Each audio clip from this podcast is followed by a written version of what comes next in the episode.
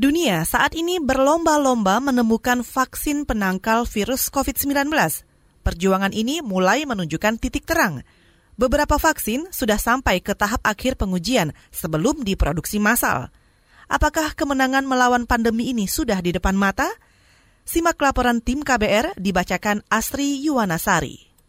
Berdasarkan data Badan Kesehatan Dunia WHO, sudah ada ratusan pengembang vaksin yang tengah melakukan serangkaian uji coba dari mulai praklinis sampai dengan klinis. WHO berharap vaksin bisa diproduksi pada akhir tahun ini. Juni lalu dalam keterangan pers, Kepala Sains WHO Somnya Swamintan optimistis hal itu bisa terlaksana sebab sudah ada beberapa kandidat pengembang vaksin yang tengah melakukan uji coba klinis. Kita memasuki tahapan baru, yaitu fase 3 pengembangan vaksin. Ini fase yang menentukan apakah vaksin efektif dan aman. Saya berharap dan optimis, namun pengembangan vaksin adalah sesuatu yang kompleks dan penuh dengan ketidakpastian. Sisi baiknya, kita punya beberapa kandidat yang bagus untuk vaksin.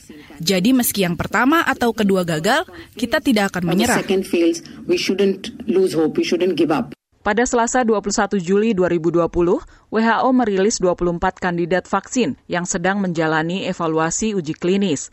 Dari 24 calon vaksin itu, ada 5 calon vaksin COVID-19 yang masuk fase 3, tahapan uji coba klinis. Kandidat pertama adalah Sinovac. Perusahaan asal Tiongkok ini akan melakukan uji coba fase 3 vaksin COVID-19 di tiga negara, termasuk Indonesia. Indonesia akan ikut melakukan uji klinis tahap 3 atas vaksin milik Sinovac ini pada sebanyak 1.620 penduduk. Sinovac melakukan uji coba ini sebagai bentuk kerjasama dengan perusahaan BUMN Bio Farma dalam pengembangan vaksin COVID-19.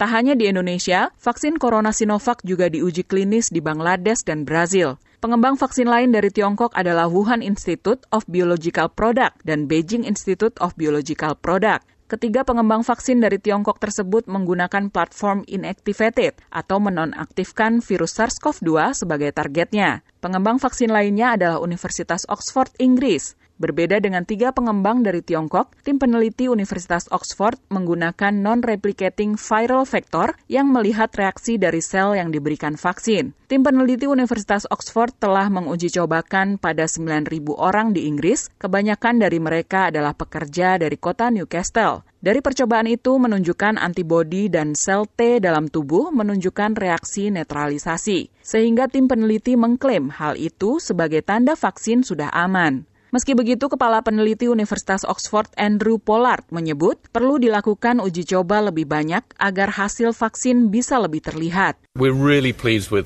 Kami sangat puas dengan hasil yang ditunjukkan dalam jurnal Lancet hari ini karena kami melihat vaksinnya merespon antibodi dan sel T. Sehingga kami optimistis dengan hal itu. Namun kami masih harus melakukan percobaan lagi pada manusia untuk membuktikan hal itu sudah berhasil. Perjalanan penelitian vaksin COVID-19 sudah dilakukan sejak awal pandemi. Jennifer Haller adalah orang pertama yang menjadi relawan uji klinis tahap pertama dari vaksin COVID-19. Jennifer adalah salah satu dari 45 relawan yang disuntikan vaksin virus corona yang baru pertama kali diuji coba kepada manusia. Perempuan asal Seattle ini menerima suntikan pada bulan Maret 2020 lalu sebagai bagian dari studi tahap pertama vaksin yang dikembangkan oleh National Institute of Health bekerjasama dengan Moderna, sebuah perusahaan bioteknologi yang berbasis di Massachusetts, Amerika Serikat. Everybody's feeling so helpless right now. Semua orang kehilangan harapan saat ini. Saya sadar saya bisa membantu dan saya senang bisa berada di sini. Saya jadi yang pertama dan saya sangat bersemangat sekali akan hal itu. Prosesnya mudah seperti vaksin flu yang saya lakukan kemarin dan saya tidak merasakan sakit sama sekali. Pada Rabu kemarin, Menteri Kesehatan Amerika Alex Azar menyebut pemerintah federal telah menandatangani kontrak dengan perusahaan Pfizer Inc. untuk 100 juta dosis vaksin virus corona. Pfizer akan mengirimkan vaksin itu apabila produk tersebut menerima lisensi dari Badan Pengawas Makanan dan Obat-obatan Amerika Serikat setelah menyelesaikan pengujian klinis fase 3 yang besar dan memastikan keamanan dan kemanjuran vaksin. Kami sudah menandatangani kontrak bahwa Pfizer bisa memenuhi kebutuhan 100 juta dosis vaksin virus corona pada awal Desember 2020 serta pembelian setengah miliar dosis tambahan. Kami baru saja melihat hasil percobaan fase pertama dari dari lima fase percobaan yang dilakukan minggu ini. Hasilnya menunjukkan apa yang kami inginkan yaitu netralisasi pada antibodi dan reaksi ini sama dengan penyembuhan menggunakan plasma darah.